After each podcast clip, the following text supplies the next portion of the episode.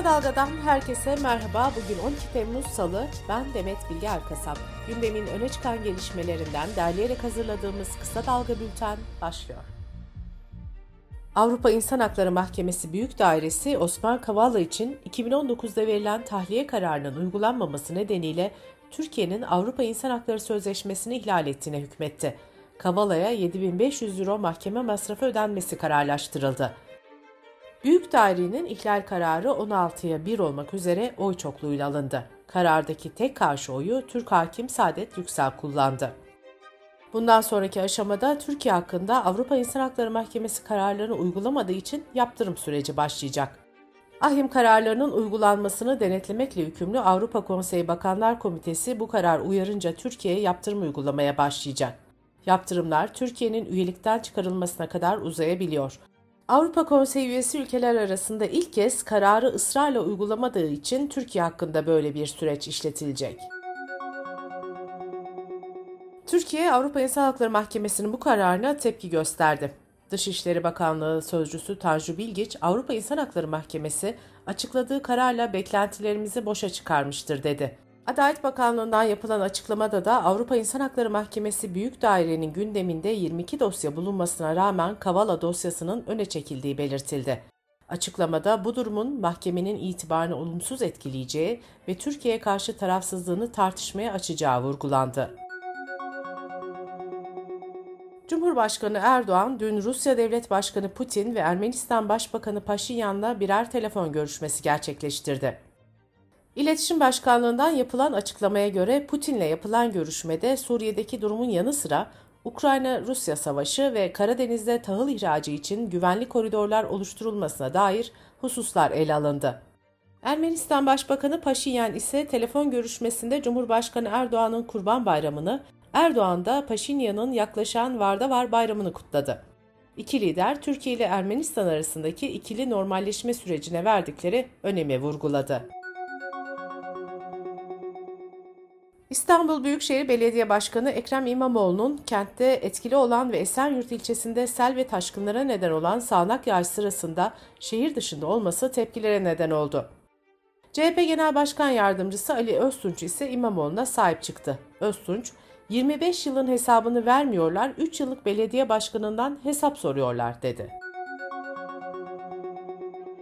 İçişleri Bakanı Süleyman Soylu bayram tatilinin ilk 3 gününde 25 kişinin trafik kazalarında hayatını kaybettiğini açıkladı. Koronavirüs vakaları hızla artarken yeni varyantla ilgili uzmanlardan peş peşe açıklamalar geliyor. Hürriyet gazetesi yazarı Profesör Doktor Osman Müftüoğlu bu yeni alt varyant şimdiye kadar gördüklerimizden çok farklı diyerek şu bilgileri aktardı. Diğerlerinden çok daha kolay, çok daha hızlı bulaşabiliyor. İşin kötüsü daha önce aşılarınızı tamamlayıp tamamlamadığınızı, hatta hastalığı geçirip geçirmediğinizi de ciddiye almıyor. Zaten böyle olduğu için de sürü bağışıklığı umudu neredeyse hayal olmuş durumda.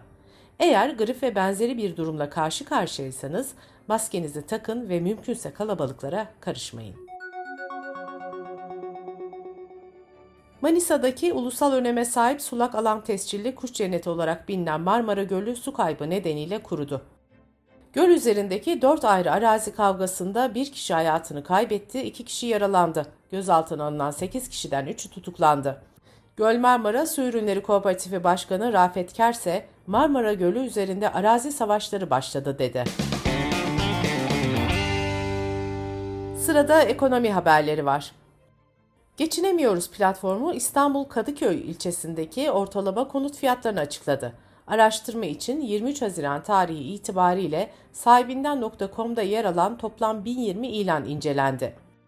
Buna göre İstanbul'un Kadıköy ilçesinde ortalama ev kiralarının 19.438 lira olduğu ortaya çıktı. Araştırmanın değerlendirme bölümünde son yapılan asgari ücret zammıyla bir çalışanın Kadıköy'de tek başına daire kiralayamayacağı vurgulandı. Et ve Süt Kurumu Kurban Bayramı'nda satılamayan kurbanlıkları alacağını duyurdu.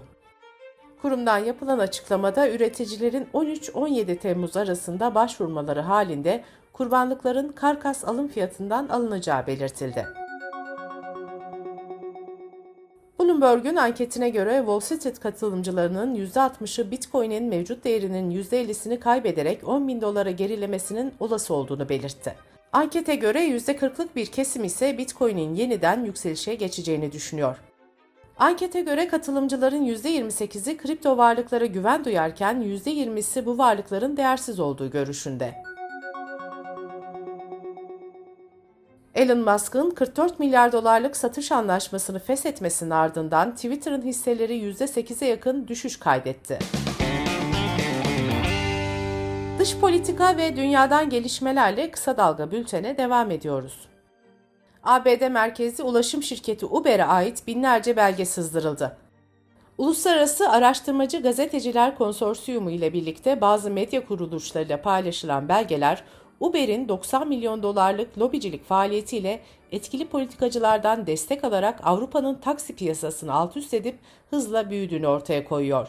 Belgelere göre şirket birçok ülkede kurallara uymadan büyümek için bazı üst düzey politikacılardan ve bakanlardan gizli destek aldı. Deutsche Türkçe'den Pelin Ünker de Uber'in Türkiye dosyalarında yer alan belgeleri haberleştirdi. Habere göre dönemin bakanları Ali Babacan, Mehmet Şimşek ve AK Parti'nin kurucularından Cüneyt Zapsu ve eski büyükelçi Namık Tan'ın isimleri dosyada yer aldı. Dünya genelinde 72 ülkede faaliyet gösteren Uber, Türkiye pazarına Haziran 2014'te girmişti. Lisansı bulunmayan şirketin Türkiye'den kazandığı %20'lik komisyonun vergisini ödemeye başlaması ise 2018'in son dönemini buldu. Belgelere göre Uber, Türkiye'deki varlığını garantilemek için Cumhurbaşkanı Erdoğan'a yakın isimleri radarına aldı. Şirket ilk olarak AK Parti kurucularından olan ve bir danışmanlık firması bulunan Cüneyt Zapsu'ya ulaştı. Kayıtlara göre Zapsu, 3 aylık lobi faaliyeti için ayda 50 bin dolarlık ücret talep etti. Uber bu süreçte ayrıca medya çalışmaları da yürütüyordu. İç yazışmalara göre birebir görüşmeler sonrası Hürriyet ve Sabah'ın da aralarında olduğu gazetelere şirket hakkında pozitif haberler yaptırıldı.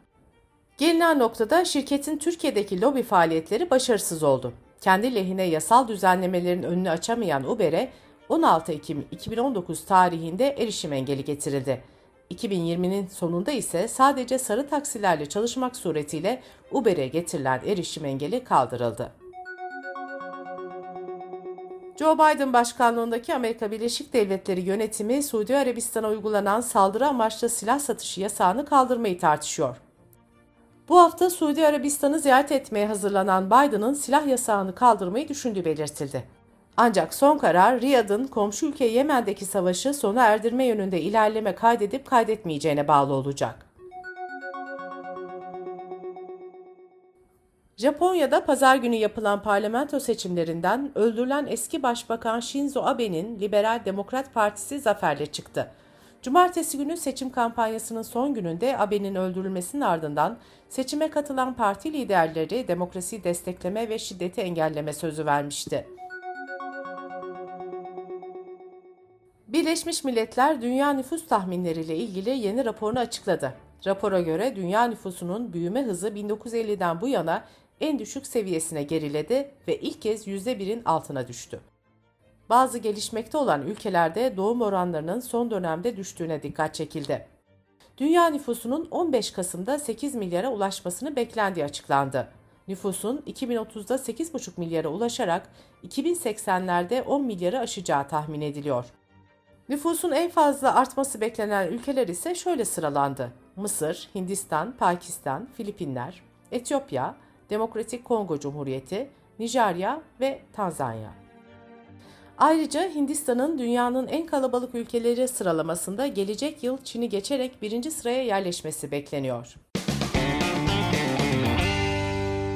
Bültenimizi kısa dalgadan bir öneriyle bitiriyoruz. Gazeteci Pervin Metin, çocuklara cinsel eğitim nasıl verilmeli, hangi kritik hatalardan kaçınılmalı sorularına cevap arayıp, bu eğitimin çocuğun gelişim sürecinde nedenli önem taşıdığını uzmanlarla konuşuyor. Pervin Metin'in podcast'ini kısa dalga.net adresimizden ve podcast platformlarından dinleyebilirsiniz. Gözünüz kulağınız bizde olsun. Kısa Dalga Medya.